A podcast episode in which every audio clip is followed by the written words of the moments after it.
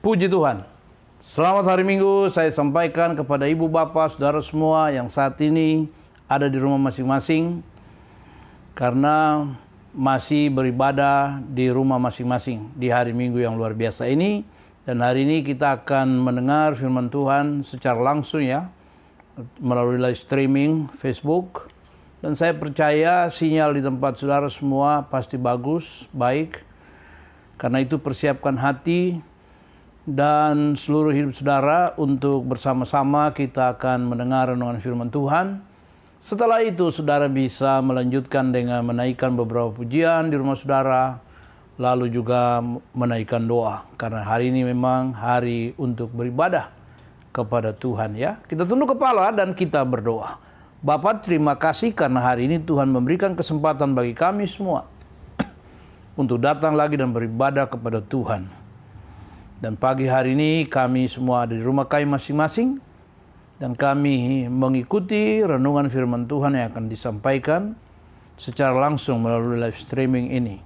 Karena itu kami buka hati bagi firman-Mu sebab kami tahu bahwa langit dan bumi akan lenyap, tapi firman-Mu kekal selama-lamanya. Karena itu biarlah perkara yang kekal itu yang diwartakan berulang-ulang kali bagi kami semua, supaya kami terus diajar Tuhan, dibimbing, diarahkan, ditegur, dinasihati, bahkan diberkati Tuhan lewat firman-Mu.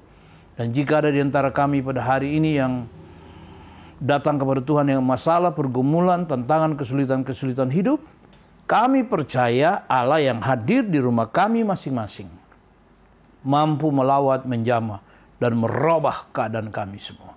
Terima kasih Tuhan, urapi kami dengan urapan dari sorga, supaya firman-Mu menjadi berkat bagi kami sekalian.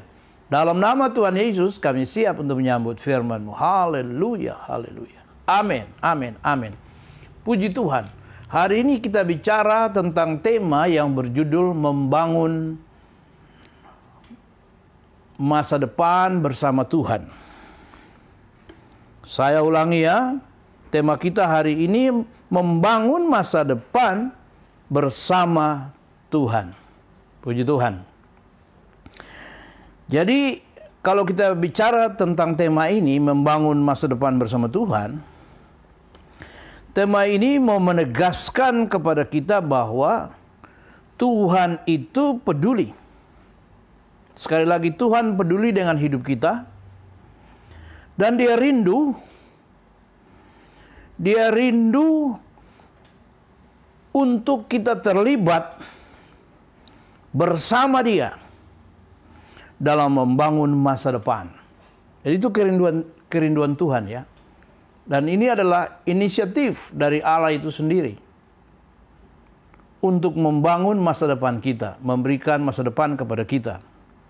Sebab itu kita ingat ketika Israel ditawan ke Babel dalam Yeremia pasal 29 ayat 11 Firman Tuhan datang kepada mereka sebab aku ini mengetahui rancangan-rancangan apa yang ada padaku tentang kamu bukan rancangan tentang kecelakaan, tetapi damai sejahtera dan hari depan yang penuh harapan.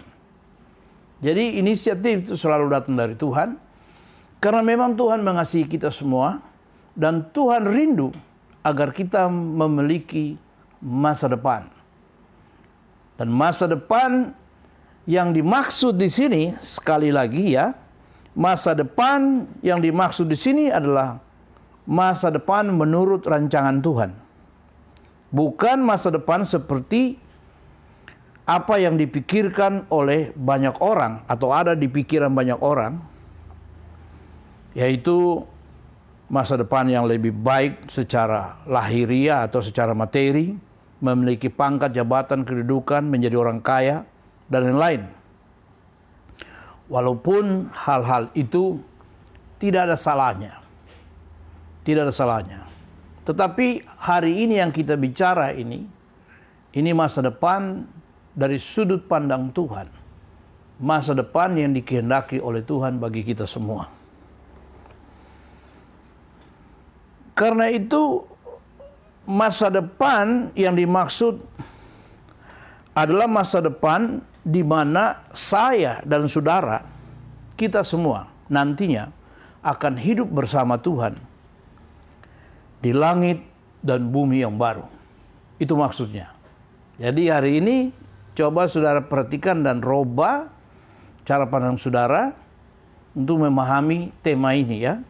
Jadi masa depan yang dikehendaki Tuhan adalah masa depan di mana satu waktu nanti saya dan saudara kita semua akan tinggal bersama-sama dengan Tuhan di dalam kekekalan yang diistilahkan dengan kata kalim eh, atau kalimat langit dan bumi baru.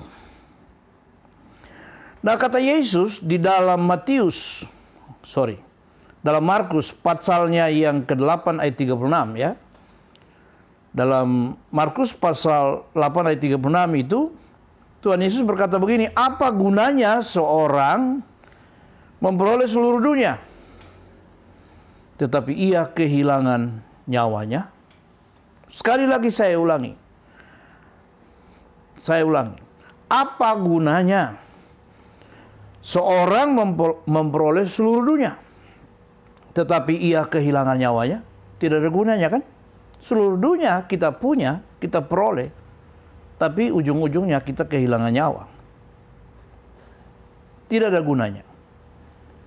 Jadi tujuan Tuhan itu adalah jiwa kita harus selamat. Sekali lagi, jiwa kita harus selamat. Sebab itu, Tuhan mempersiapkan masa depan yang penuh harapan kepada kita semua. Dan Tuhan tidak bekerja sendiri, tapi Tuhan melibatkan kita. Karena itu sekali lagi perhatikan tema di atas tadi, membangun masa depan bersama Tuhan. Kita tidak membangun sendiri ya, tapi kita membangun bersama Tuhan. Dan Tuhan memerlukan kita. Karena di dalam Mazmur pasalnya yang 127 ayat 1 dan 2 berkata, kalau bukan Tuhan yang membangun rumah, sia-sialah semua tukang yang membangunnya. Kalau bukan Tuhan yang mengawal kota, sia-sialah para pengawal berjaga-jaga. Jadi Tuhan melibatkan kita. Dan kita harus mau. Karena menyangkut masa depan kita dan kerinduan Tuhan agar kita dapat hidup dan tinggal bersama-sama dengan Dia di dalam kekekalan itu, langit dan bumi baru. Nah, karena itu uh, saya melihat ada tiga kebenaran yang melandasi tema ini untuk membangun masa depan bersama Tuhan. Jadi, saya dan saudara untuk membangun masa depan bersama Tuhan itu minimal ada tiga hal atau tiga kebenaran yang harus kita uh, kerjakan bersama-sama. Sebab Tuhan mau agar kita terlibat dan kita bersama Dia. Nah, kebenaran yang pertama adalah kita harus hidup di dalam Tuhan. Sederhana saja, kita harus memiliki Tuhan dan Tuhan harus memiliki kita. Kenapa demikian? Karena kalau kita tidak hidup dalam Tuhan, maka Tuhan tidak bisa mengajak kita untuk bekerja sama, membangun masa depan. Dengan kata lain, kita harus bertobat menjadi manusia baru. Alkitab berkata di dalam 2 Korintus pasal 5 ayat 17 ya. 2 Korintus pasal 5 ayat 17. Orang yang ada dalam Kristus adalah ciptaan baru, yang lama sudah berlalu, yang baru sudah datang. Jadi memang kita harus bertobat, meninggalkan hidup kita yang lama, keduniawan kita, lalu kita mulai masuk dalam dunia rohani, hidup yang baru, saudara-saudara ya. Jadi kita masuk dalam hidup yang baru. Menjadi milik Tuhan. Bergabung dengan Tuhan, menyatu dengan Tuhan. Maka kita bisa diajak Tuhan untuk bersama-sama membangun masa depan. Sebab ketika kita jauh dari Tuhan dan menjadi musuh Allah oleh karena kita orang berdosa, maka Allah tidak bisa mengajak kita untuk membangun masa depan bersama-sama. Tapi ketika kita telah meninggalkan kehidupan kita yang lama, lalu menjadi milik Tuhan, dan kita berkata bahwa adapun hidupku ini bukan aku lagi, melainkan Kristus yang ada di dalam aku. Maka kita bisa mampu memahami Tuhan dan bersama-sama dengan Tuhan untuk membangun masa depan. Nah, ini dia maksud saya ya. Wow, luar biasa ini. Nah, jadi karena itu kita harus meninggalkan hidup kita yang lama. Kalau saudara perhatikan dalam Galatia pasal 20 ya. Galatia pasal uh, 20 sorry, bukan Galatia pasal 20. Maksud saya adalah Galatia 2 ya.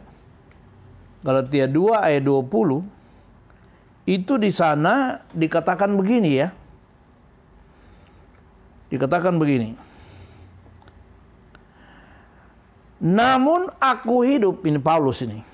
Tetapi bukan lagi aku sendiri yang hidup, melainkan Kristus yang hidup dalam aku dan hidup dan hidupku yang kuhidupi sekarang di dalam daging adalah hidup oleh iman dalam anak Allah yang telah mengasihi aku dan menyerahkan dirinya untuk aku. Wow, aku hidup tapi bukan aku lagi. Jadi kita harus tinggalkan hidup yang lama, masuk dalam hidup yang baru, lalu hidup bersama Tuhan agar kita bisa membangun masa depan yang lebih baik dan masa depan yang dikehendaki oleh Tuhan adalah hidup bersama dengan Dia dalam langit dan bumi yang baru di dalam kekekalan. Syarat yang kedua itu adalah kita harus mau mengikuti kurikulum Tuhan. Kurikulum Tuhan. Saudara semua sudah tahu apa itu kurikulum ya. Kurikulum Tuhan. Jadi kita harus mau dilatih, kita harus mau belajar untuk menjadi pribadi-pribadi yang siap diproses oleh Tuhan menjadi dewasa, menjadi orang yang sabar, menjadi orang yang lebih berhikmat, menjadi orang yang lebih rohani.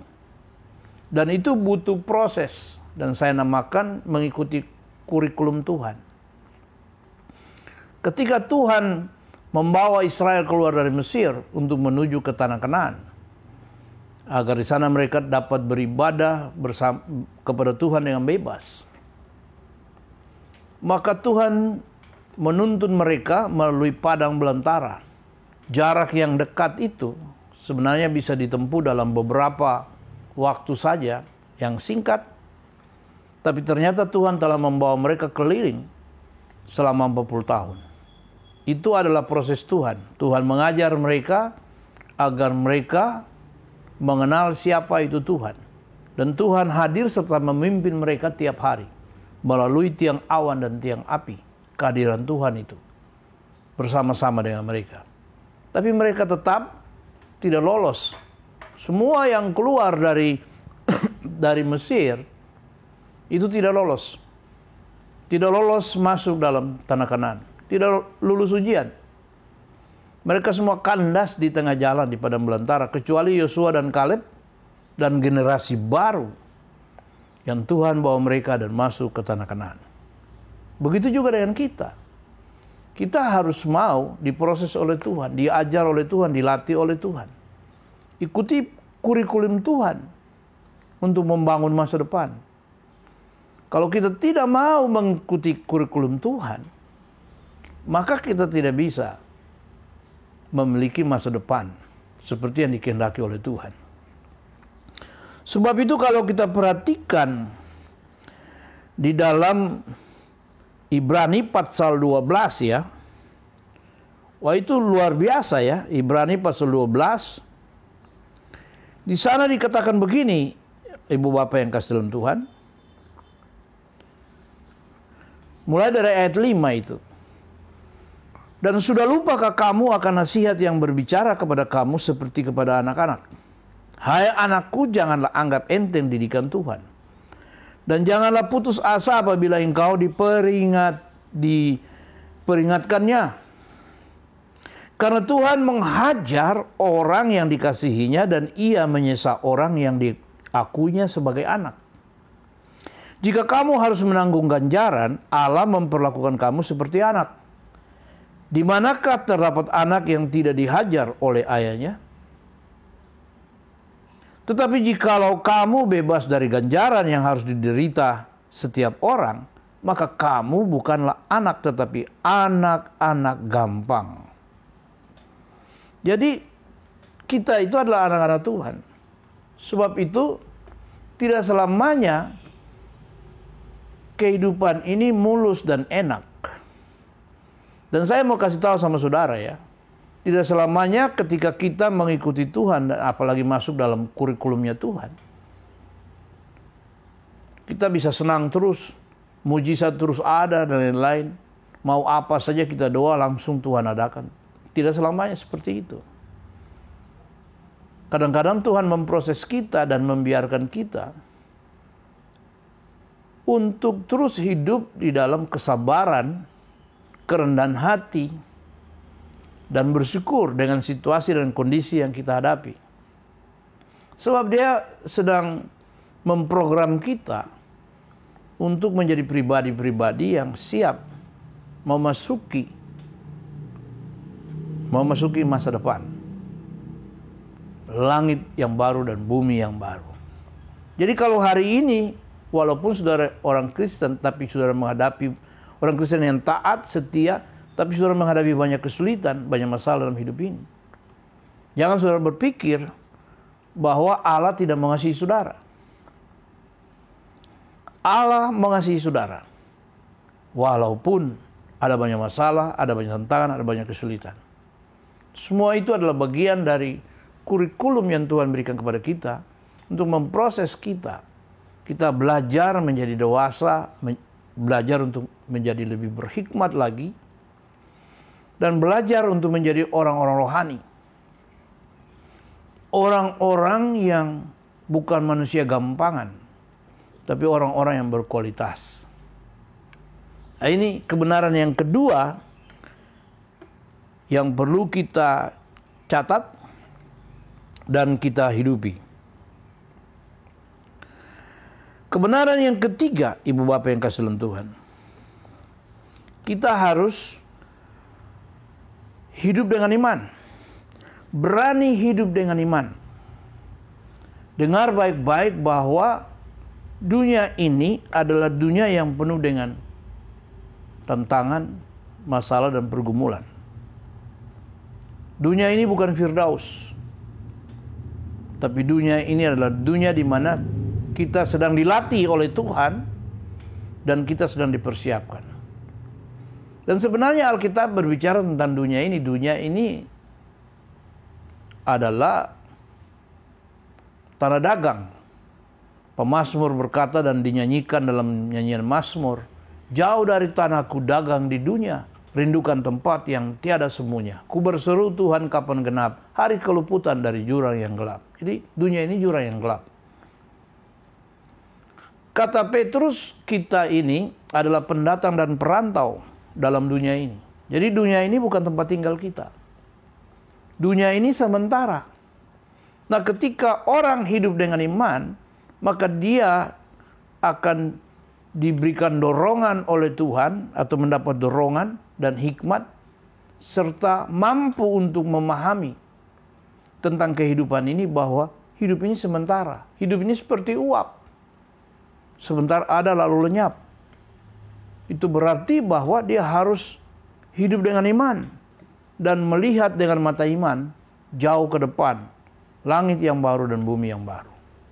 Dan ketika kita belajar hidup dengan iman, maka kita tidak takut terhadap tantangan, masalah, pergumulan-pergumulan, dan kesulitan-kesulitan hidup ini. Karena fokus kita sudah beda. Fokus kita bukan soal jabatan, kedudukan, pangkat, harta, kekayaan dunia ini. Sudah bukan itu. Tapi fokus kita sudah lain. Fokus kita adalah Allah dan kerajaannya. Bukan berarti bahwa kita tidak perlu jabatan, pangkat, kedudukan, harta, uang. Kita perlu itu semua. Tapi yang saya maksudkan adalah fokusnya bukan itu. Karena masalah harta harta dunia ini, masalah sukses secara dunia ini, itu masalah-masalah gampang. Masalah di mana Allah telah menyediakan semua fasilitas bagi kita. Yang penting kita rajin bekerja, kita bertanggung jawab, dan kita bisa mengelola kehidupan ini dengan baik, maka kita bisa sukses di semua lini. Tapi yang saya bicara hari ini adalah persoalan masa depan di mana kita akan hidup dan tinggal bersama dengan Tuhan. Kita perlu hidup dengan iman. Bekerja bersama dengan Tuhan membangun masa depan kita. Itu bekerja dengan iman.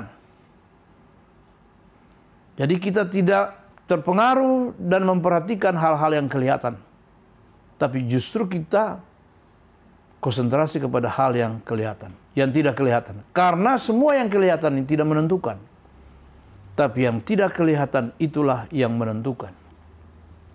Sebab itu kalau ibu bapa selesai ibadah ini dan baca kembali Ibrani pasal 11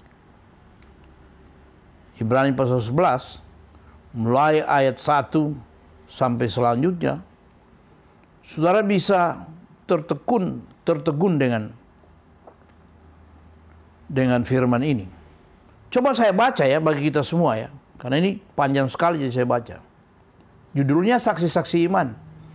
Iman adalah dasar dari segala sesuatu yang kita harapkan dan bukti dari segala sesuatu yang tidak kita lihat.